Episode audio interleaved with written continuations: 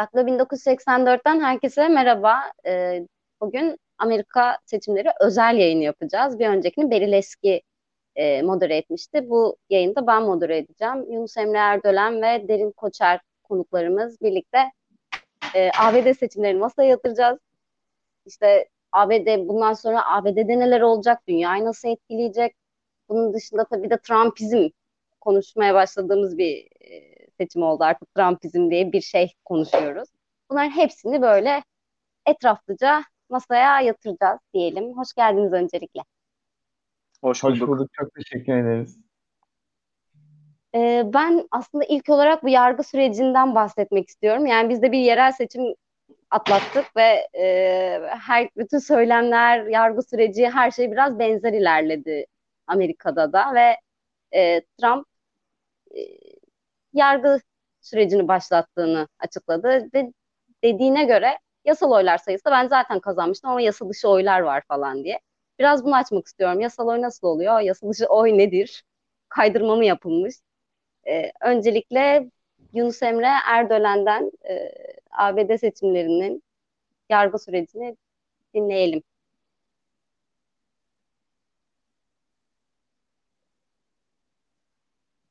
Ben mi dondum, siz mi dondunuz bilmiyorum ama şu anda ben duyamıyorum. Şimdi şöyle bir durum var. E, Trump'ın e, Amerika'da koronavirüs ha, beni duyuyor musunuz şu anda? Şu an duyuyorum. Derin sen beni duyuyor musun? Şimdi geliyor Derin. sesim. Duyuyor musunuz beni? Evet. Evet duyuyorum ben de. Geldi mi geri? Ee, yok şimdi gitti. Yunus Emre'nin bu mücadelesi Trump'ın yargı mücadelesine benzedi. Var ama yok gibi. Evet. Evet ve gitti. ve gitti. Bende de hep böyle oluyor. Evet ben de düşüyorum ara sıra biraz sonra. O zaman evet geldi. O zaman Yunus hatta. Hah tamam süper.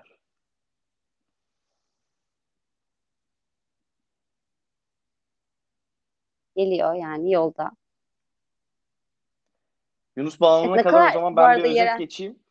Ben bir özet Tabii. geçeyim. O Yunus e, işin hukuki detaylarına e, doğrudan girer bundan sonra. Yani aslında Trump e, seçim gecesi kazanıyormuş gibi gözüktüğünde pek bir sorun yoktu tabii. E, onun için her şey mutlu ilerliyordu diyebiliriz ama şöyle bir şey oldu ki bu e, seçim e, seçimlerde e, eyal, bazı eyaletler sürekli el değiştiriyor ve o eyaletler aslında belirleyici oluyor. Ve o eyaletlerde işte Michigan, uh, Wisconsin, Pennsylvania gibi şu anda uh, artık e, demokratların aldığını öğrendiğimiz eyaletlerde e, Trump önde başlamıştı seçim gecesinde. Çünkü o gün kullanılan oylar yani seçim günü kullanılan oylar doğrudan e, sayıldığı için ve bu oylama bu oylarda cumhuriyetçilerin bir çoğunluğu olduğu için e, önde e, çıkmıştı Trump kampanyası. Ama e, önceden kullanılmış işte posta yoluyla kullanılmış oylar sayılmaya başladığında ki Biden kampanyasının ama mesajlarından bir tanesi e, oyların önce verilmesi yolundaydı. Özellikle pandemi sebebiyle bu mesajı veriyorlardı.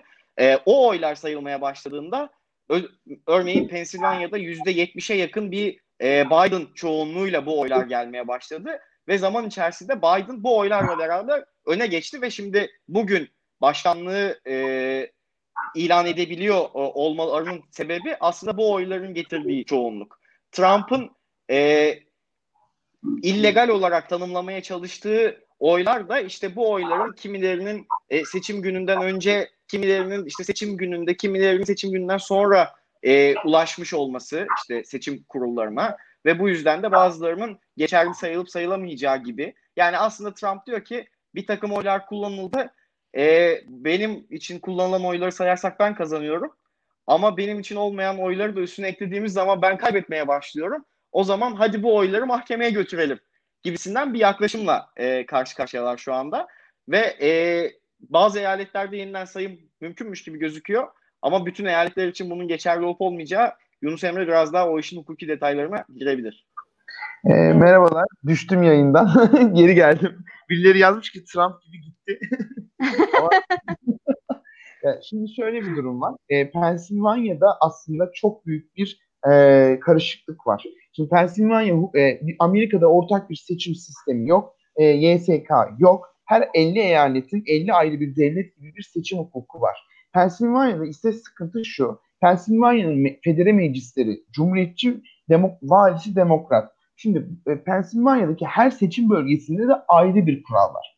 Mesela şöyle bir şey oldu. Özellikle demokratların güçlü olduğu seçim bölgelerindeki seçim yetkileri dedi ki siz postoyla oylarınızda bir hata yaparsanız, imzayı eksik koyarsanız, zarfı iyi kapamazsanız biz size böyle bir hatanın olduğunu haber vereceğiz ve sizinle bu hatayı düzeltme imkanınız doğacak. Ama mesela cumhuriyetçi yetkililerin olduğu ve cumhuriyetçilerin yaşadığı Pennsylvania seçim bölgelerinde onlar bunu yapmadılar. Bu şekilde düzeltilmiş oyların adı Kürt ballots yani düzeltilmiş e, oylar. Şimdi Cumhuriyetçiler diyor ki bazı seçim bölgelerinde pusulanın düzeltilmesi, bazı bölgelerde düzeltilmemesi eşit oy hakkını ihlal ediyor.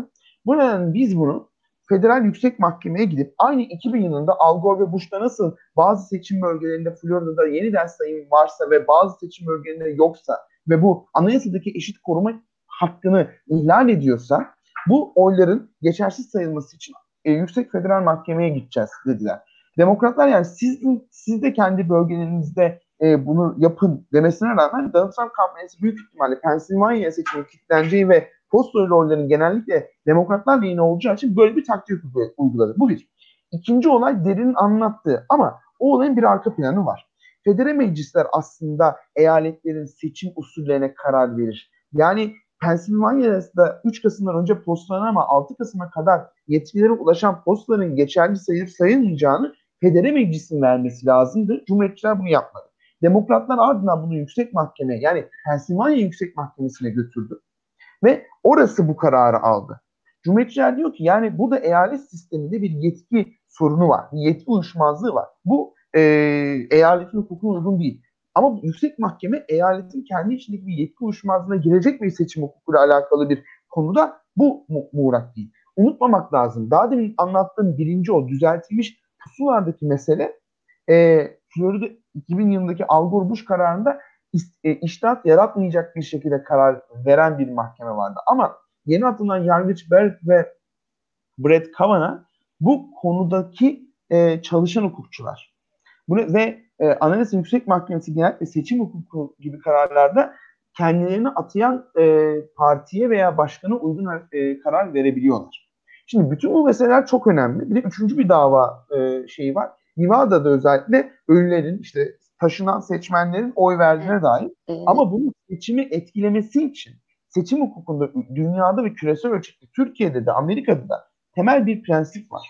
Bu tür hile iddialarını, bu tür usulsüz oy iddialarını seçim sonucunu etkilemesi lazım ki bu acele ne dikkate alınsın ve bir çözüme kavuşturulsun. Eğer bu seçim sonucunu etkilemeyecek kadar bir oysa bu bir yıl da sürebilir. Amerika'da bugün 3 sene süren seçim uyuşmazlıkları var. Buna da ve Donald Trump kampanyası Twitter'dan delil topluyor. Delilimizin şu anda olmadığını biliyorlar ve diyorlar ki bize delil yollayın. Şimdi bu çok uzun bir süreç. Şimdi bu noktada iş Pennsylvania'ya kilitlenseydi, yani Biden sadece Pennsylvania ile kazansaydı bugün şu yorumu yapardık. İki hafta, üç hafta sürecek ve evet Trump'ın lehine süreç dönebilir. Ama Nevada'da, Arizona'da hatta e, yeniden sayından sonra belki Georgia'da bu işin yargıya yürümesi için Pennsylvania gibi bir şey, durum yok. Yani Pennsylvania'da demokratların da hatası var. Ya çünkü yani e, bütün bu karmaşık e, oy sayım süreçlerinde ortak bir tutum alamadılar veya bu kadar iyi bir hukuki süreci yönetemediler. Ortalık karma karışık oldu. Şu anda e, yetkililer hangi oyu sayalım, hangisini saymayalım bir durum var. Bir de çok detaya gireceğim ama bu detayları buralarda girebiliyoruz sadece. Provisional ballot diye bir şey var. Yani geçici oy bazı Pennsylvania seçim bölgelerinde kimliksiz gidip e, veya işte yaşınız küçük veya orada oy hakkınız olup olmadığı muğlak siz yine geçici olarak oy veriyorsunuz. Sonra sizin oyunuzun geçerli ol- olmadığını sonradan karar veriyor. Şimdi böyle bir karışık sistem de var. Bunların da sayımı var. Ama Biden ve demokratların iddiası şu. Hem e, düzeltilmiş pusulalar, hem geçici pusulalar hem de 3 Kasım ile 6 Kasım arasında ulaşan posta oyları olmadan dahi biz Pensilvanya'yı kazanacağız diyorlar. Bunun olup olmadığını göreceğiz. Ama dediğim gibi seçim Pensilvanya'ya kilitlenmedi. Demokratların, e, cumhuriyetçilerin sıkıştığı noktada bu. Oy sayımını durdurun diyorlar. Oy sayımı durarsa Biden kazanıyor. Çünkü Nevada ve Arizona'da da oy sayımı duracaktır o zaman. Hatta Georgia'da da duracaktır o zaman. E, Pensilvanya'da e, durdurun ama Nevada'da durdurmayın. Bu da çelişkili oluyor. Ve bu nedenle de Cumhuriyetçiler çok arkasında duramayabiliyor. Bu arada şunu da eklemek evet. lazım. Yani e, aslında iki, iki e, konu var burada. Birincisi hem yani Trump'ın hukukçularının söylediği şeyler bu Yunus Emre'nin e, bahsettiği hukuki süreçlerden e, geçiyor ama daha büyük yani Trump'ın kendisinden özellikle daha büyük söylemler de du- duyuyoruz. Hani e, seçimi çalıyorlar işte büyük hile karıştı falan filan gibisinden söylemler Trump'tan geliyor. Ama şunun da yani altını çizmek lazım. Amerika'da siyasal bilimcilerin uzunca bir süredir e, çalıştığı bir konu e, seçim hileleri ve Amerikan özelinde yapılan değerlendirmelerde yani geçtiğimiz e, yanılmıyorsam 10-12 seçim e, toplamında yani böyle birkaç on bin toplamda oyun e, ancak belki hileli olarak değerlendirilebilecek konuma geldiğinden bahsediyorlar. O yüzden de e, çok büyük bir etkisi yani bu söylemlerin çok büyük bir etkisinin olduğunu söylemek doğru değil. İkinci mesele de aslında Pensilvanya'da e, Biden öne geçtikten e, epeyce bir, bir bir gün yaklaşık bir gün sonra ilan edebildiler sonucu yani bugün ilan edebildiler. E, orada da şöyle bir durum var. E, bütün e, haber e, organları birazcık çekingen davrandı ve farkın %0.5'in üstüne çıkmasını e, beklediler. Ki aslında Amerikan seçimlerinde geçmiş seçimlerde de e, böyle yaptıkları da oluyordu. Bazen yapmadıkları da oluyordu. Bu defa belki Trump'ın e, bu böl, bölücü dilinin hani önüne geçebilmek, popülist dilinin birazcık önüne geçebilmek, seçimi daha e, yumuşak bir şekilde bitirebilmek için e, gerçekten bunu da beklediler ki zaten iş Yunus'un söylediği gibi Pensilvanya'ya da kalmadı. Yani şu öyle bir noktaya geldik ki şu an beklenen şekilde seçim biterse e, Trump'ın 2016'da kazandığıyla bu sene e, Biden'ın kazandığı eşit e, bir galibiyet olacakmış gibi gözüküyor delegeler açısından. Ve yani o gün e, Trump büyük zafer olarak e, kendini konumlandırıyordu. O zaman bu sefer de büyük yenilgi olarak konumlandırmak tekrardan Trump'a düşecek gibi gözüküyor. Ha konumlandırma o Şimdi ayrı buna, bir şey tabii. Evet buna büyük yenilgi diyebilir miyiz? Ben de tam onu soracaktım. Şimdi Trump'ın e, başa baş giden bir seçimden bahsediyoruz. İnanılmaz bahsettik zaten. İnanılmaz bir kutuplaşma ortamında e, işte süre gelmiş. Zaten yani şöyle ki pandemi oldu. Amerika berbat yönetti. Trump dezenfektan içine kadar saçmaladı. İşsizlik zaten had safhada. Buna rağmen Trump'ın oyunda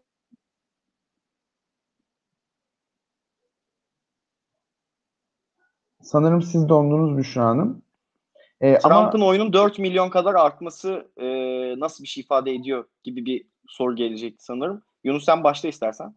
Yani şimdi şöyle bir durum var. Joe Biden Amerikan tarihinin en yüksek oy alan başkanı seçildi. Ama Amerikan tarihinin en yüksek oy alan ikinci başkan adayı da Donald Trump. Ve Donald Trump o oyunu çok arttırdı. Yani koalisyonunu çok genişletti ve benim şahsi görüşüm Donald Trump'ın seçilme şansının korona hastalığına yakalanmasıyla ve bütün seçim gündeminin e, korona olmasıyla zaten azaldı. O olay olmasaydı ve seçim gündemi tekrardan belki protestolarda, belki e, ondan sonraki süreçte kalsaydı ve tekrar koronaya dönmeseydi Donald Trump'ın şansı yine çok yüksek. Şimdi e, özellikle Florida'da mesela demokratların ki Florida salınacak bir eyalet yani kritik bir eyalet söylentisi vardı. En az 400 bin oy farkla Florida'yı yendi Donald Trump ve Temsilciler Meclisi'nde demokratlar iki temsilci kaybetti. Çok e, iyi e, temsilcilerini kaybettiler ve e, özellikle Küba göçmeni Amerikalılardan, orada yaşayan beyaz kadınlardan iyi bir oranda oy aldılar.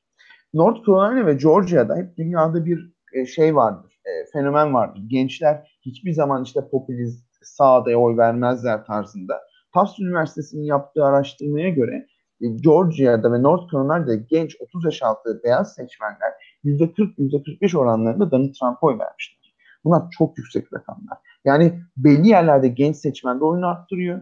belli yerlerde e, Hispanik demeyelim ama Küba, e, Venezuela göçmenlerinden oyunu arttırıyor. Belli yerlerde Katoliklerde oyunu arttırıyor ve özellikle siyah genç erkeklerde de e, genç orta yaş siyah erkeklerde de oyunu arttırıyor mesela. Şimdi daha bu çıkış anketleri netleşmedi. Net bir şey söylemek zor ama belli üniversitelerin araştırmalarında bu kaymaları görebiliyoruz.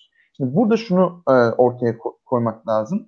Demek ki e, Joe Biden ve demokratlar nasıl bir değişiklik yapacaklarına dair çok net bir anlatı ortaya koyamadı ki bir e, Donald Trump'ın e, bu oyunu yükseltmesine bir alan sağlandı. İki Trump'ın Amerika'sı da aslında çok real ve gerçek. Yani bu noktada Donald Trump da hatırlarsanız son 2-3 haftadır hiç kaybetmeyi e, sevmeyen, kazanmayı seven biri olarak kaybetme ihtimalini dile getirdi. Ve burada da hep akla bak işte yüksek mahkemeyi dolduracaklar. Bak işte e, liberal değerleri baskılayacaklar. Dinimizi elimizden alacaklar. En son işte Noel'i bile kutlayamayacağız. Noel yasaklanacak dedi. Şimdi bütün bunların ışığında kendi seçmenini de e, mobilize etti. Ve bir şeyleri almak için e, hani e, insanlar o muhafazakar değerleri kaybetmemek için gittiler. Bu nedenle hani Trump'ın işte bir ara anketler Alaska'da da Biden kazanacak falan da diyordu. Yani hani Texas'ı da alacaktı. Böyle şeyler vardı. Bu bunların hiçbiri çıkmadı. Ya da ulusal fark %12 çıkmadı. %10 çıkmadı. Hani burada artık gerçekten e, Amerika'nın bir diğer yarısı diğer yarısını anlayamıyor. Onlardan haberi yok. Nasıl biz buradan Amerika'yı takip ediyorsak büyük ihtimalle Amerika'nın Biden Amerikası, Demokrat Amerikası da bizim kadar artık takip edebiliyor o Amerika'yı. Bizim kadar tanıyor o Amerika'yı. Ve hatta çok bias oldukları için belki bizden daha az tanıyorlar o Amerika'yı. Yani burası artık yani Amerika bir şekilde e, kendilerini e, yeniden sorgulaması gerekiyor. Ve o kurumları yeniden inşa etmesi gerekiyor. Joe Biden'ın da çok zor bir dönem bekliyor. Şimdi Joe Biden kazandı ama Joe Biden e, evet, nasıl? Ben arada dondu ama e, aldım. E, Joe Biden ne yaptı? Joe Biden e, neyi e, çok iyi yaptı da kazandı sorusu da önemli. Joe Biden belli şeyleri bir ittifak kurdu, bir Biden ittifakı kurdu. E, en az e, şey söyleyerek o ittifakı, eski cumhuriyetçileri, solcuları, azınlıkları bir arada tutmaya çalıştı. Ama Joe Biden şu anda işte ekonomiyi nasıl düzeltecek, ırkçılığı nasıl düzeltecek, hepsini nasıl yapacak? Bunlar hakkında detaylı bir planı belki vardır ama bunları açıklamadı. Hatta büyük ihtimalle her aşamada Cumhuriyetçi Senato, kendi partisi, sol kanat, eski cumhuriyetçiler çalışmak zorunda kalacak ve Joe Biden'ın böyle bütün herkesi bir arada tutabilecek ne bir enerjisi var ne bir net vizyonu var. Bu nedenle büyük ihtimalle Joe Biden bu e, kırılgan Amerika'yı e, bir arada tutmak için çok iyi bir ekip ihtiyacı olacak. O ekibi bulabilir belki. Ama e, benim beklentim Joe Biden zor bir başlangıç yaşayacağı ve Kamala Harris de öyle Türkiye'de çok aşırı övüldüğü gibi bunları çok iyi bir şekilde idare edecek, her şeye koşacak biri de değil. E, bu yüzden zor bir dönem bekliyor demokratları ve Joe Biden'ı. E, kazandılar. E, ama bakalım daha kabine kurma sürecinde daha bugün bir kavga başladı yani. Joe Biden'ı destekleyen John Kasich eski cumhuriyetçi solculara karşı demokratlar tavır almalı dedi. Solcular da aynı şekilde biz seni seçtik bizi unutma dedi. E şimdi Joe Biden aynı anda Cortez'de Kasich'i masaya oturacak mı? Bakalım oturtmayı başarmıştı bir dönem ama ondan sonra John Kasich'e 10 dakika konuşma verdi. Cortez'e 1, 45 saniye verdi. Yani bu konuda birazcık e, Joe Biden zorlanacağını ve bu sandıktaki başarısını yönetimde kullanamayacağını düşünüyorum. Ya belki buradan evet, derin... bu Trumpizm dediğimiz e, meseleye biraz daha yakından bakmak iyi olabilir. Yani burada çok evet. bir kişilik kültünden bahsediyormuşuz gibi e, konuşuyoruz yani çünkü sonuçta Trumpizm diyoruz. Ama şunu da yani es geçmemek lazım ki Trump'ın Amerika'da bir seçenek olmasını e, sağlayan kimi e, faktörler vardı. Yani Trump dün e, bir anda böyle ortaya çıkmadı. Sonuçta ba- bazı bir, bir temel oluştu ve o temelin üstüne Trump'ın e, kişiliği Amerika'da bir hakikat bulabildi. E, bugün baktığımızda seçim e, sonuçlarına baktığımızda, haritasına baktığımızda da aslında e, kırmızı bir harita görüyoruz. Çünkü Amerika'nın nüfus yoğunluğu olarak olmasa bile e, coğrafi olarak büyük çoğunluğunun Trump'a oy verdiğini görüyoruz. Çünkü küçük yerleşim birimlerinin e, Trump'a oy verdiğini, şehirlerin Biden'ı tercih ettiğini görüyoruz. Ki burada da aslında bu e, oluşmuş bir e, kültür savaşının e, derinliğini de görmek mümkün olabiliyor. Dünyanın farklı yerlerinde de bunu görmek mümkün olabiliyor. Yani İngiltere'ye baktığımızda da e, coğrafi olarak e, kimi yerlerde yaş olarak birbirinden ayrılmış ve ona göre kararlarını e, radikal bir şekilde etkileyen siyasi akımlar görüyoruz. Yani İngiltere'de Brexit'te bunu görüyoruz. Son seçimlerde Boris Johnson'ın seçildiği seçimlerde de bunu görüyoruz. Hala da görmeye devam ediyoruz. Yani örneğin şöyle bir e, örnek vermek mümkün olabilir. Şimdi Biden'ın e, aslında yani Yunus tabii e, çok somut politika bakımından e, bir planı olmadığından bahsetti ki ben de haklı olduğunu düşünüyorum. Ama elinde şöyle de bir şans var ki e, Trump'ın kazandığı yani 2016'da kazandığı Biden'ın ise 2020'de yani bu sene kazandığı ve yeniden ördüğü mavi duvar dediğimiz işte Michigan, Wisconsin, Pennsylvania'dan oluşan e, ve seçimlerin sonuçlarını belirleyen eyaletlerde e, insanlar işte küreselleşmeyle, e, kimi işlerin yurt dışına çıkmasıyla, kimi fabrikaların yurt dışına taşınmasıyla, işlerin kaybedilmesiyle, e, devletin buraları yeterli yatırımı götürememesiyle insanların gerçekten unutulmuş hissettiğini ve bu unutuldukları düzene karşı oy verdiğini söyleyen epeyce e, çalışma yapıldı. E, bunun aynısı Brexit'te Brexit e, taraftarı olan kimi işçi partili, işçi sınıfı oylarının yoğunlukta olduğu Kızıl Kemer dediğimiz e, bölgede oldu. Ve bu Kızıl Kemerle Mavi Duvar tabii birbirinin aynısı olarak kodlandırmak doğru olmaz ama birbirine benzeyen e, demografilerden bahsediyoruz. Ve e, son seçimlerde de yani 10 e, yıllardır İşçi Partisi'ne oy veren bu Kızıl Kemer burada muhafazakarlara oy verdi örneğin.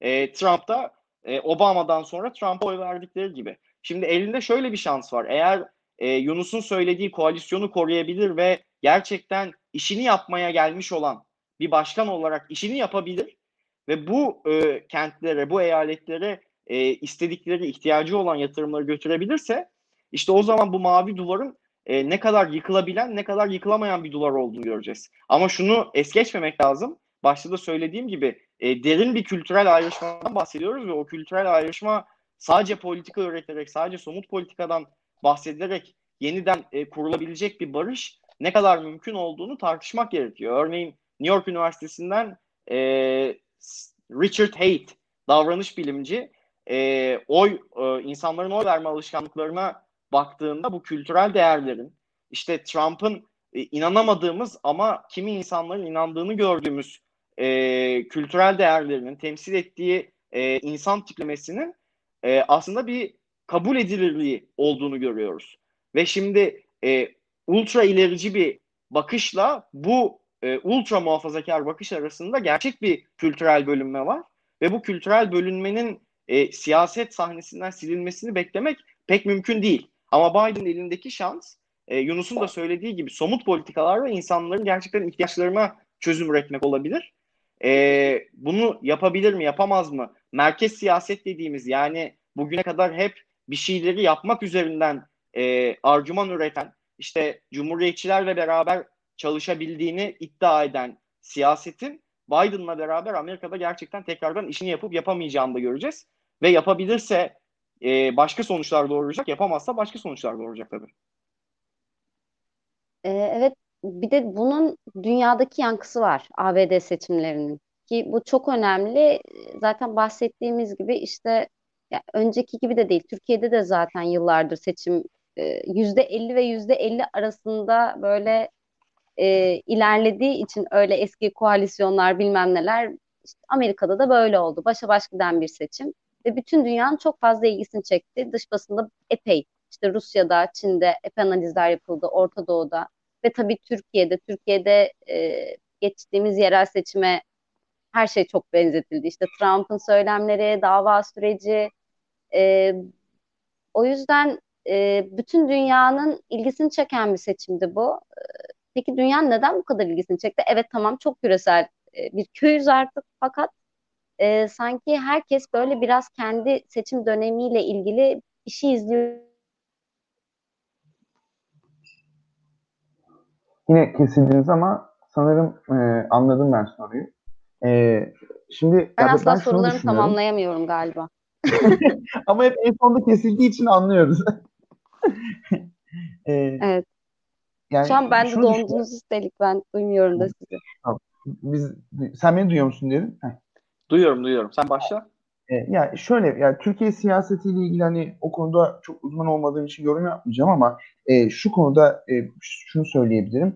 Amerikan siyasetine olan etkisi e, Amerika'daki seçimlerin bütün dünyaya çok net somut etkileri var. Yani bugün mesela Türkiye'deki haber kanalları boşuna e, Türkiye seçimleri gibi öyle şeyler koymadı ya da özel seçim gecesi yayınları yapmadı. Florida'daki 2000 seçimlerinde, 2000 başkanlık seçimlerinde Florida'daki 500 oy Irak Savaşı'nın olup olmayacağını belirledi. Ve o Irak Savaşı'nın dünyadaki sonuçları tartışılamaz.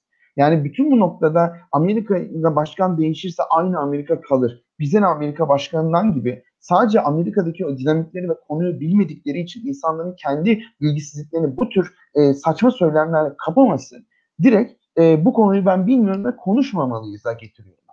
Ya nasıl e, Amerika'nın başkanının kim olduğu dünyayı etkilemez ya? Bugün Donald Trump yerine Hillary Clinton olsaydı büyük ihtimalle Kasım Süleymani yaşıyor olacaktı. İran nükleer anlaşması iptal edilmemiş olacaktı. Amerika Paris Anlaşması'ndan çekilmemiş olacaktı. Çin'le çok farklı bir noktada olacaklardı. Rusya'yla çok farklı bir noktada olacaklardı. Suriye'de çok farklı bir durum olacaktı. Yani bugün e, Amerika'nın başkanının dış politikası dünyayı da etkiliyor. Tabii ki tek değişken o değil. Tabii ki tek etken o değil. Belki uluslararası ilişkiler konusu uzun olanlar daha iyi olur ama yani kesinlikle e, bir, bir, bir başkan ben bunu yapacağım diyorsa Amerika'da 10 tane diyorsa 3'ünü yapıyor.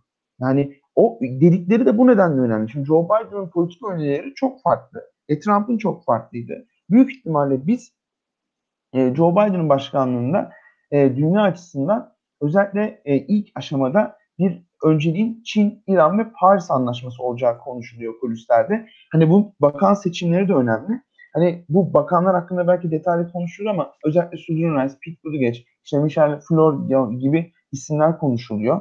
Ron Klain gibi işte Beyaz Saray'da görevli olacak isimler konuşuluyor. Bunların hepsinin farklı öncelik, farklı e, şeyleri var. E, öncelikleri var. Şu an düştü sanırım. Ben sözümü bitirdim. Derin sen devam istersen. E, tabii yani şu örnekle belki açıklamak çok daha kolay olabilir. Obama e, Obama başkanken söylediği, sürekli söylediği, birçok konuşmasında tekrar ettiği bir laf vardı. Bir başkanın kelimeleri savaşlar başlatabilir ya da ekonomiler çökertebilir. Ve yani Türkiye'de yaşayan insanlar olarak biz e, bir Amerikan başkanının e, sizin ekonominizin çökertirim parantez içinde daha önce yapmadığım şey değil parantezi kapat gibi e, tweetler attığını kendimiz yaşadık. E, o yüzden yani gerçekten bu e, sanki Amerika bir e, bir kapalı karanlık e, odalar arkasında oturup e, komplo cümleleriyle yönetilen bir ülkeymiş ve e, siyasetçiler sadece birer aktörlermiş yani artistlermiş e, gibi davranmak tabii ki gerçekçi değil. Yani e, gerçekten bir başkanın kullandığı kelimelerin bile e, öneminin bu kadar büyük olduğu, e, bu kadar insana aynı anda dokunduğu, kültür yaratabildiği, kültürü yıkabildiği. Yani şimdi baktığımız zaman Amerikan seçimlerinin niye dünyanın her tarafına konuştuğundan konuştuğunu söylüyoruz. E çünkü Trump'a benzeyen liderlerin Trump'tan sonra dünyanın dört bir tarafında yükselmeye başladıklarını gördük. Yani bugün ben Londra'da Brezilyalı arkadaşlarımla konuştuğumda Bolsonaro'dan bahsediyorlarsa Trump'tan da bahsediyorlar. Ya da bugün Boris Johnson'la ilgili bir şey söylüyorsak Trump'la ilgili de bir şey söylüyoruz. Bunlar tabii ki birbirinin aynı, birbirini e, doğrudan karşılayan e, vaka örnekleri olmak zorunda değiller. Ama Trump'ın yol açtığı bir kültür kayması olduğunu net bir şekilde görebiliyoruz dünyada. Ve bu kültür kayması e, siyasi akım olarak da popülizm şeklinde e, bir değerlendirme yaptık. Ki aslında şimdi Amerikan e, örneği, Amerika'da Donald Trump'ın kaybetmiş olması dünyada da popülizmle mücadeleye dair ülkelerin sonuçlar çıkartacağını e, görüyoruz. Yani şöyle bir örnek vereyim. E, Joe Biden'ın e, başkanlığını kimi haber kanalları ilan ettikten sonra İngiliz e, Başbakan Boris Johnson'dan önce muhalefet parti lideri Keir Starmer e, Joe Biden'ı kutladı. Ve kutladığı yerde de aslında e, ikilinin iki siyasi akımın e, kendi rakipleriyle nasıl mücadele edeceğine dair kimi örnekler de vardı. Yani e, Stormer özellikle Biden'ın kampanyasını kurduğu değerler üzerinden bir kutlama yaptı ve bu değerleri işte e, düzgün insan olmak, dürüstlük, hani e, Trump'ın gerçekten altını dört yıldır kazdığı kimi değerlerin e, bugün İngiltere'de de Boris Johnson'la mücadele ederken e, ki e, Trump'la karşılaştırdığımızda yani gerçekten birbirinden çok da benzeyen insanlar olduğunu söylemenin ben gerçek gerçekçi olduğunu düşünmüyorum. Ama siyasi üsluplarının benzemediğini söylemek de pek mümkün değil. Keir Starmer mesela gerçekten Biden e, Biden'ın bu değerlerini tekrardan işçi partisini temsil ettiğini burada göstermeye çalışıyor. Ya da buna benzer e, kimi işte Yunus'un güzel bir yazıda Biden ittifakı olarak toparladığı, Biden'ın arkasına aldığı ve e, belki bir noktada demokrasiyi, kurumları savunmak için e, bir ittifak kurduğu işte eski cumhuriyetçilerden, şu anda cumhuriyetçi olan insanlardan, demokratlardan, merkezden, soldan insanların bu liderlere karşı bir araya gelip temel değerleri savunduğunu e, görüyoruz. O yüzden de e, gerçekten bu seçim kampanyası dünyada popülizmle mücadele e, konusu konuşulduğunda tabii ki akademisyenlerin, e, siyasi analistlerin e, örnek olarak alacağı e, vakalardan bir tanesi olacak. Bir diğer e, dünyaya etkisi konuşurken tabii bu gerçekten Çin e, küresel e, iklim krizi ve e, İran meseleleri tabii çok önde gidiyor. Ama şunu da unutmamak lazım. Yani Çin dediğimiz şey mesela Çin'e karşı Biden'ın bir eylem planı olduğunu görüyoruz. Bir demokrasi e, birliği, bir demokrasi bloğu kurmaktan bahsediyor. Yani tabii bunu bir Sovyetler Birliği'ne karşı e, kurulmuş bir blok gibi değil ama yine de daha işte Avrupa Birliği ile Trump'ın gerdiği ilişkileri yeniden e, rayına oturtmaktan. E, şimdi tabii özellikle Britanya meselesi çok komplike olacak çünkü Brexit'le beraber e, yani Boris Johnson hükümeti Trump'tan bir ticaret anlaşması bekliyordu. Şimdi Biden'dan alıp alamayacağı ya da yeterince hızlı bir şekilde alıp alamayacağı belli değil. Ki e, yani İngiliz ekonomisine etkisi çok büyük olmayacak. Yani e, ekonomiye %0.18'lik gibi bir etkisi olabileceği konuşuluyor. Ama Boris Johnson için bir siyasi başarı olacaktı. E, şimdi mesela e, bu gibi ülkelerle ilişkilerin nasıl gelişeceği konusu e, henüz netleşmiş değil. Bu bloğun e, kurulacağını görüyoruz. İşte İngiltere'nin buraya nasıl dahil olacağı, Biden'ın nasıl bir oyun planı çizeceği belli değil. Ama gerçekten de bu eski Amerikan değerlerine dönüş ve popülizmle mücadele konusunda bütün dünyada bir örnek e, teşkil edeceğini görebiliyoruz. Şu andan da görebiliyoruz.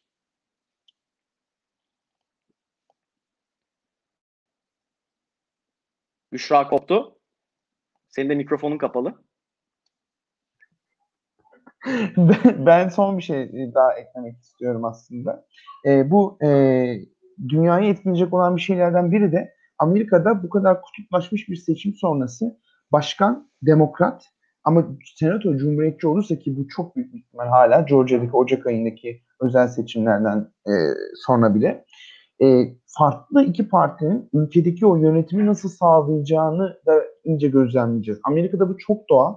Hep yaşanan bir şeydi aslında. Senato ve başkanlık farklı partilerde ama Trump sonrası Amerika için çok kritik bir zaman. Bir de şunu hiçbir zaman unutmayalım. Yüksek Mahkemenin de genellikle cumhuriyetçi ve muhafazakar yargıçlardan oluşması da oldukça e, etkileyecek. E, Biden'ın aldığı kararların önemli ölçüde kısmı e, Yüksek Mahkeme tarafından iptal edilebilecek. Geçmişte Yüksek Mahkemenin aldığı ilerici kararlardan geri dönülebilecek. Bütün e, bu bunların ışığında Amerika bir arada tutunma mücadelesi verecek. Şimdi e, Joe Biden'ın e, başkanlığı sırasında Donald Trump'ın bir e, düşünün, yani bir senaryo kuruyorum şu anda. Donald Trump'ın e, şey yaptığını, bir medya organı kurduğunu, bir radyo kurduğunu ve Joe Biden her kararında işte bak Amerika'yı mahvetmeye çalışıyor, bakın Amerika'yı yıkıyorlar diye insanları gaza getirdiğini düşünün. Ya da Cumhuriyetçi ön seçimde bir adayı destekleyip bir adaya bunu desteklemeyin, bu da sistemin adamı diye saldırdığını düşünün. Bazı Cumhuriyetçilerin kendi başarıları için Donald Trump'tan destek aldığını düşünün. Bütün bunlar aslında dönüp dolaşıp e, Joe Biden'ın ve Amerika'nın da o hani iki farklı Amerika hikayesinin, Joe Biden ve Trump'ın Amerika'sı hikayesinin de birleşip birleşemeyeceğini gösterecek. Bazı cumhuriyetçiler çabalarken bazıları çabalamayacak. Yani bu çatışmanın e, bize ve dünyaya yansımaları da orada yaşanan olayların gidişatında olacağı diye düşünüyorum. Aslında yani şunu şunu da ekle, ekleyebiliriz. Ee, yani sonuçta Biden bir merkez aday olarak, merkez siyaseti temsil eden bir aday olarak e, aday oldu ve seçimi de bir merkez e, aday olarak kazandı. Şimdi bundan sonra göreceğimiz, izleyeceğimiz süreçte de gerçekten merkezin tekrardan tutunup tutunamayacağını dair de bir şey göreceğiz. Yani bir tarafın gittikçe radikal aslında iki tarafın da gittikçe radikalleştiği e, bir ortamda gerçekten merkezin hala bir siyasal e, sayısının bir siyasal para biriminin belki olup olmadığını gerçekten e, senatoda kongrede e, kimi kararları geçirip geçiremeyeceğini yani sen en yakından takip eden insansın. Sonuçta Joe Biden senatonun iki tarafıyla da e, anlaşabildiği üzerinden de kendisinin bir şeyleri yapabilen bir başkan e, olma iddiasını tekrar edip durdu e, bütün seçim kampanyası boyunca. Ama senin söylediğin gibi Trump'ın bir e, kanal kurması ya da bir radyo şovu başlatması ya da podcast yapması pek önemli değil bu ama kendisini bir e, siyasi güç havuzu olarak tekrardan konumlandırdığı takdirde gerçekten Cumhuriyetçilerin, Cumhuriyetçi Parti'nin bir Trump partisi mi yoksa Cumhuriyetçi Parti mi olup olmadığı da sınanacak. E, bu sınanma gerçekleşirken e, gerçekten merkez siyasetinde bu köprüleri kurup kuramayacağı konusunda da bir sınav e, yaşayacağız ve merkez siyasetin geleceğine dair de önemli şeyler söyleyecek. Yani bir siyasi şok ve e, felç mi yaşayacaklar yoksa gerçekten Amerika e, bir şeyler yapabilen, kendi içinde reforma gerçekleştirebilen bir ülke mi olacak? Bu da e, Biden'dan sonra Demokrat Parti'nin geleceğini belirleyecek e, konulardan bir tanesi olacak aslında. Çünkü elindeki argümanlardan bir tanesi bu. Ben Şura, uzun geldin. bir süreden sonra gelebildim sonunda. Teşekkür ediyorum. Ee, ya bunu konuştunuz mu bilmiyorum ama Türkiye şimdi ben en son şeyde kaldım. Ee, işte Rusya'dır, Çin'dir, Avrupa'dır nasıl yaklaşıyor? Türkiye. Ee,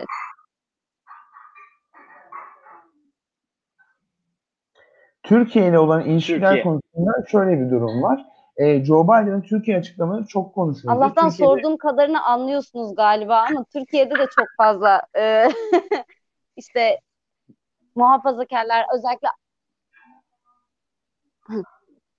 Pardon. Ee, çok geç geliyor değil mi sesimiz şu anda birbirimize? Türkiye sorusunu cevaplayabilirim. Ee, şimdi Türkiye konusunda Joe Biden'ın New York Times'ta yaptığı bir açıklama vardı. Erdoğan'a ve Cumhurbaşkanı Erdoğan'a karşı ve Türkiye'ye karşı çok sert açıklamalar vardı. O açıklamalarda e, yine o açıklamaları da Türkiye çok geç e, anladı, öğrendi ama o açıklamaların iyi kısmını da Türkiye hiç anlamadı, öğrenmedi. Orada şunu da diyordu. Cumhurbaşkanı Erdoğan bana beni sever, bana güvenir, aramız iyidir. Benim İslamofobik olmadığımı bilir diyordu. Bu açıklamanın bu kısmı hiç konuşulmuyor. Şimdi büyük ihtimalle yavaştan bu açıklama konuşulabilir. Bütün bunların ışığında Joe Biden'ın çok e, bu Türkiye karşıtı açıklamaların ön seçim zamanında geldiğini ve bu ön seçimde yine Türkiye'de kimsenin dikkatini çekmediği şekilde Demokrat ön seçimin münazarasında bile 18 dakika Türkiye'nin konuşulduğu bir atmosferde en çok Türkiye karşıtı olmanın Demokrat ön seçimde prim yaptığı bir düzlemde bu açıklamalar geldi. Bu nedenle Joe Biden ister istemez e, Türkiye ile ilgili o söylemi devam ettirmeyecektir. Ama yine Joe Biden kampanya sürecinde hiç kimse ona sormadan, hiçbir gazeteci ona sormadan Ayasofya ve Karabağ hakkında Türkiye'ye karşı açıklamalarda bulundu. Bu da çok Amerikan tarihinde başkan adaylarının daha başkan değilken e, yapacağı bir şeydi. Çünkü e, seçimle alakası Amerikan seçmenine sorsan Ayasofya ne, der, e, hangi eyalette der ya da Türkiye nerede derse haritada gösteremezdi. Yani Amerikan seçmenin dış politika konusunda oy vermesi en son aşamadır. Bir tek Washington DC'deki birkaç e, şey hani Pelosi ve e, Şukalası bu konuda oy verir o kadar yani. Hani hiçbir e, şeyi yok bu karşıda. Şimdi neden böyle bir açıklama yaptı? Demek ki şimdiden o politikaları düşünüyor, bu politikaları yapmaya çalışıyor. Şimdi bu da çok önemli. Şimdi Türkiye'nin e, bakanlar kim olacak, Joe Biden kim olacak diye önceden o iletişime geçmesi, konuşmalara başlaması lazım bile. Hatta bunun yapıldığı da söyleniyor kulislerde. Şimdi bakalım ne olacak ama e, Joe Biden önceliğinin asla Türkiye olacağını düşünmüyorum. İlk 4-5 ay boyunca Joe Biden Türkiye ile e, normal diyaloglara devam edecektir. E, masaya oturacak ve konuşacaktır. Joe Biden'ın e, Cumhurbaşkanı Erdoğan'la arasının iyi olacağını, Cumhurbaşkanı Erdoğan'la iyi anlaşacağını düşündüğünün e, inancındayım. E, buna dair de e, New York Times söyleşisinde o kadar sert sözlerinin ardından bu cümleleri kullanması da e, ki New York Times gazetesi Türkiye'ye karşı çok sert yazıların yazıldığı bir gazete ve o söyleşide amaç New York Times gazetesinin ikna edip onun desteğini almaktı. Ki söyleşi sonucunda bunu başaramadı. New York Times gazetesi Joe Biden'a destek vermedi. Ama yani bütün bunların ışığında bu ikna süreci e, içindeydi. Bu nedenle de e, henüz çok erken belki yorumlamak için dedim. Tabii ben de ben de şunu e, ekleyeyim. Yani birkaç gündür sosyal medyada özellikle bir böyle bir e, Türkiye'de Trump'la ilgili bir Trumpçılıkla ilgili e, bir garip bir propaganda havası e, hepimiz seziyoruz. Ama burada aslında tabii şunu da sormak lazım. Yani Trump Türkiye'ye ne kazandırdı sorusunun net bir şekilde cevabı verilmeden e, bu e, garip siyasi konumlandırmanın olduğunu görüyoruz. Yani şunu e, söyleyelim. Yani Amerikan e, Türk ekonomisi şu anda nasıl bir halde? Yani aynı Amerikan başkanı değil miydi ki sizin ekonominizi bitiririm diye tweet atan? Aynı Amerikan başkanı değil miydi ki yani Türkiye'de e, İsrail e, ile ilişkilerin bu kadar sorgulandığı bir dönemde e, Kudüs'ü e, bir anda ön plana çıkartan.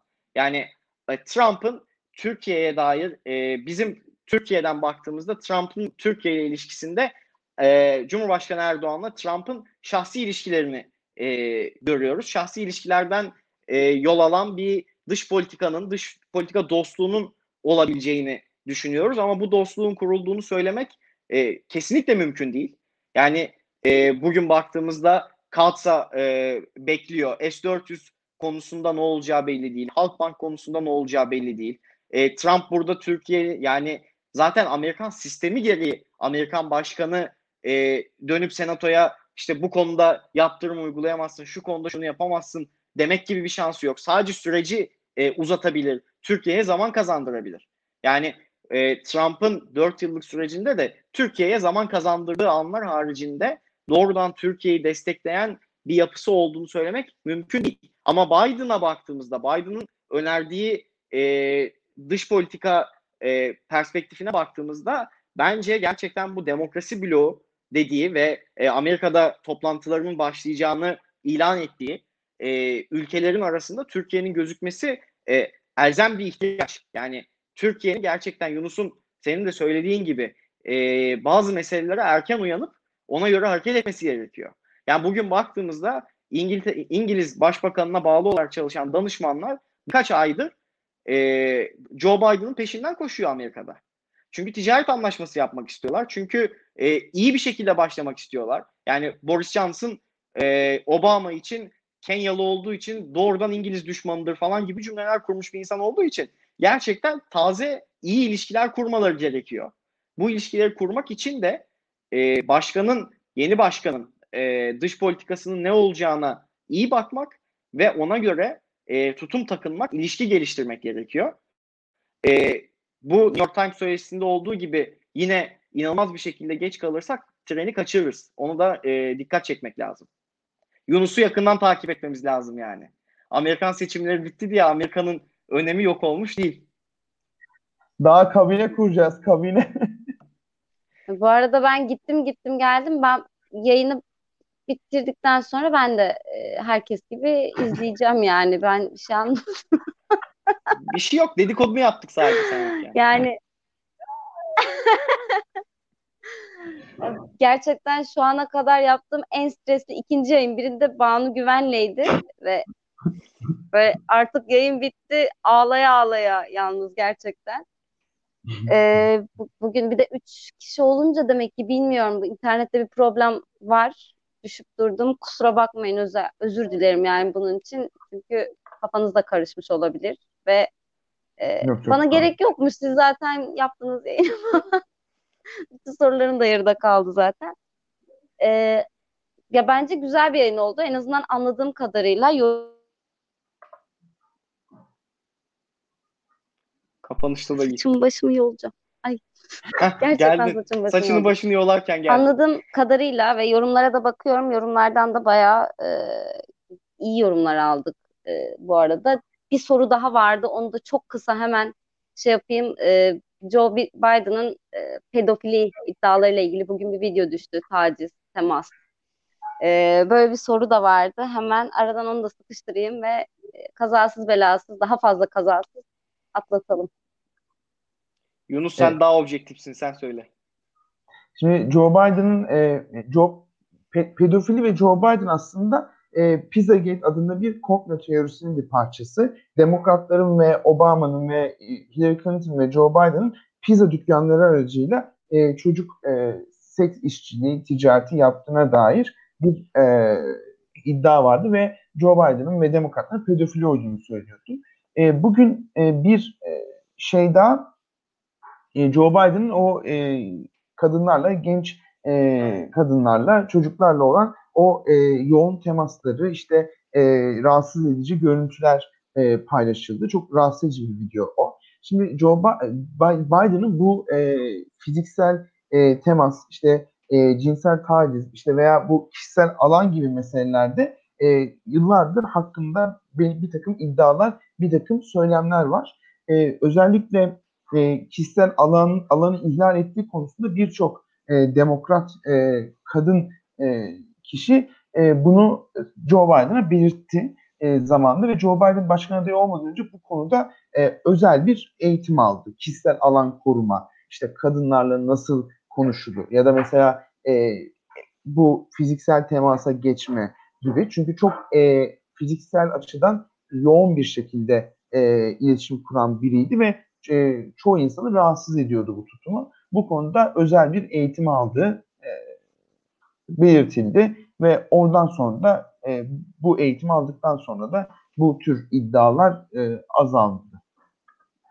Tabii bu, bu arada e, şöyle bir ekleme de yapmak lazım bence. E, ki önümüzdeki yıllarda da e, epey kamuoyunu rahatsız edecek demeyelim ama tartışacağı bir mesele olacağı benziyor. Bu Pizzagate dediğimiz ya da e, bu seçimlerde daha çok öne çıkan QAnon gibi e, komplo teorileri gerçekten e, özellikle Facebook, Twitter gibi sosyal medya mecralarında e, kendilerini inanılmaz bir şekilde takipçi bulabiliyorlar. Yani Pizzagate'de e, alt katı olmayan bir pizzacının alt katında çocuk satıldığı gibi bir iddia vardı ve bir adam yani silahla basmaya çalıştı falan. Ya yani böyle şeyler oldu. QAnon e, komplosunu destekleyen kimi insanların şu anda Cumhuriyetçi Parti'de yükselmeye başladıklarını e, görüyoruz. Kimi insanların bunlara yani yürekten bir şekilde inanmaya başladıklarını, işte Washington DC dediğimiz yerin inanılmaz yozlaşmış ve e, böyle pedofiliden kırılan bir yer e, olduğunu zannetmelerime falan gitmeye başlıyor gerçekten. Burada da aslında bu büyük teknoloji firmalarının e, başına neler geleceği, bu büyük teknoloji firmalarının nasıl politikalar uygulayacağı e, konusu çok büyük önem kazanıyor. Başka bir programda aslında bunu da tartışmak lazım. Yani örneğin e, seçim gecesi Trump'ın attığı tweetleri sansürlemek e, gibi bir yola giden Twitter'dan bahsediyoruz. Ya da Facebook şu anda e, kendi yayın kurumunu, yayın kuruluşunu oluşturuyor e, aslında. Eski e, Guardian gazetesinin genel yayın yönetmeninden tutun e, işte eski İngiliz Başbakan Yardımcısına kadar e, önemli insanların içinde olduğu ve kimi içeriklerin nasıl e, konumlandırılması, nasıl insanlardan belki uzak tutulması gerektiği gibi meseleler de artık tartışılmaya başlandı. Ve e, Biden kampanyasında da aslında bu büyük teknoloji firmalarıyla ilgili e, daha regülasyona daha e, sert bir şekilde gidecek. Bunları daha kontrol altına almaya çalışabilecek kimi e, adımlar vaat ediyordu e, Biden kampanyası. Tabii önümüzdeki süreçte bunun ne kadar mümkün olup olmadığını da e, göreceğiz. E, ve tabii bunun fikir özgürlüğü dediğimiz meseleye, daha doğrusu ifade özgürlüğü dediğimiz meseleye nasıl etkileri olacağını da e, bu dönemde tekrardan tartışmaya başlayacağız gibi duruyor. Evet. Çok Yunus belki belki şunu da e, sana ben sorayım. Önümüzdeki bu dört yıllık sürecin e, Alexandria Ocasio-Cortez gibi Demokrat Parti'deki daha sol e, çevreye nasıl bir etkisi olacağını düşünüyorsun? Çünkü şu anda da aslında görmeye başladık. Yani iki tarafın da merkez kanadında sol kanadında bir e, iletişim kampanyası başlattı. Çok açık. Yani sol kanat diyor ki inanılmaz bir zafer e, vaat ediyordunuz. Bu ne biçim hal? 6 gündür seçim sonucu bekliyoruz. Merkez kanat da diyor ki e, kazandık ama. yani burada aslında e, esas mesele temsilciler meclisinin seçimleri kaybedenlere geliyor. Birçok önemli merkez kanat siyasetçi Max Rhodes, işte Donna Shalala falan gibi isimler e, seçim kaybettiler. Colin Patterson falan Minnesota'da ve e, çok kritik yerlerde çok kritik seçimler kaybedildi. Sol kanat seçim kaybetmedi. Çünkü sol kanatın ciddi cumhuriyetçi e, rakibi yoktu e, Cortez'in filan. Şimdi bu noktada şu deniyor hani sol kanat e, artık e, Biden kabinesinde iyi yerlerde yer almak. Merkez kanatta işte biz Biden'la kazandık e, ne yapalım tarzında bir e, tavır içerisinde ben en yakın çalışmanın Pelosi'nin e, liderliğini sorgulanacağı ve temsilciler meclisi seçimlerinde yeni bir temsilcinin seçilmesi için aslında bir çalışma başlattığını görüyorum. Hem merkez kanat Pelosi'den memnun değil hem solcudan memnun değil. Hatta Demokrat Parti'nin temsilcilerinin yaptığı Zoom toplantısında kavga çıkmış. E, Abigail Springer Virginia'dan işte yeter artık sosyalizmi bir daha duymak istemiyorum. Sizin yüzünüzden az kalsın koltuğumu kaybediyordum demiş. İşte e, Raşida Tabip de yani e, tamam da e, bizim Black Lives Matter protestolarında mobilize ettiğimiz seçmen sandığa gidip oy verdi günün sonunda. Cumhuriyetçi seçmende Donald Trump oyunu arttırdı. Kimin sayesinde kazandık acaba demiş. Hani böyle bir e, çatışma e, olmuş. Bakalım bu konuların detayları da sonuçlar belli olunca özellikle Senato ve Temsilciler Meclisi detaylı konuşmak gerekir. Çünkü Demokrat Parti'nin geleceği aslında Amerika'nın da o kutuplaşmasına nasıl merhem sürüleceğini de bir gerçeği olacak. Ben de son bir not olarak e, bunun üstüne şunu ekleyeyim ve e, Büşra geri gelemeden ne yazık ki e, kapatalım yayını. Yani özellikle bu e, Demokrat Parti'deki sol kanadın e, gerçekten yani ciddi anlamda güçlenebilmesi için ben aslında şeyi görüyorum. Yani e, kültürel anlamda bugün demokratların temas etmekte zorlandığı ama 2016'da Bernie Sanders'ın temas edebildiğini gördüğümüz 2020'de bu e, biraz daha düşük bir şekilde gerçekleşti ama kemik e, işçi sınıfı yani yeni işçi sınıfı değil kentli işçi sınıfı değil e, kentin dışında yaşayan ve cumhuriyetçilerin ağırlıklı olarak kazanmaya başladıkları işçi sınıfıyla e, bir duygusal bağ kurup kuramayacakları meselesi e, tabii önümüzdeki süreçte e, etkili olacakmış gibi gözüküyor. E, bakalım. Bir de tabii Biden'ın e, başkan olarak performansı da bu konuda tabii çok e, önemli olacak. Yani bir merkez siyasetin tekrardan e, dirilip dirilemediğini e, önümüzdeki dört yılda görecekmişiz gibi duruyor. Diyelim ve e, yayını bu noktada kapatalım. Bizi izlediğiniz için çok teşekkürler. Daktilo 1984'tü burası. Abone olmayı ve Patreon'dan bizi desteklemeyi unutmayın.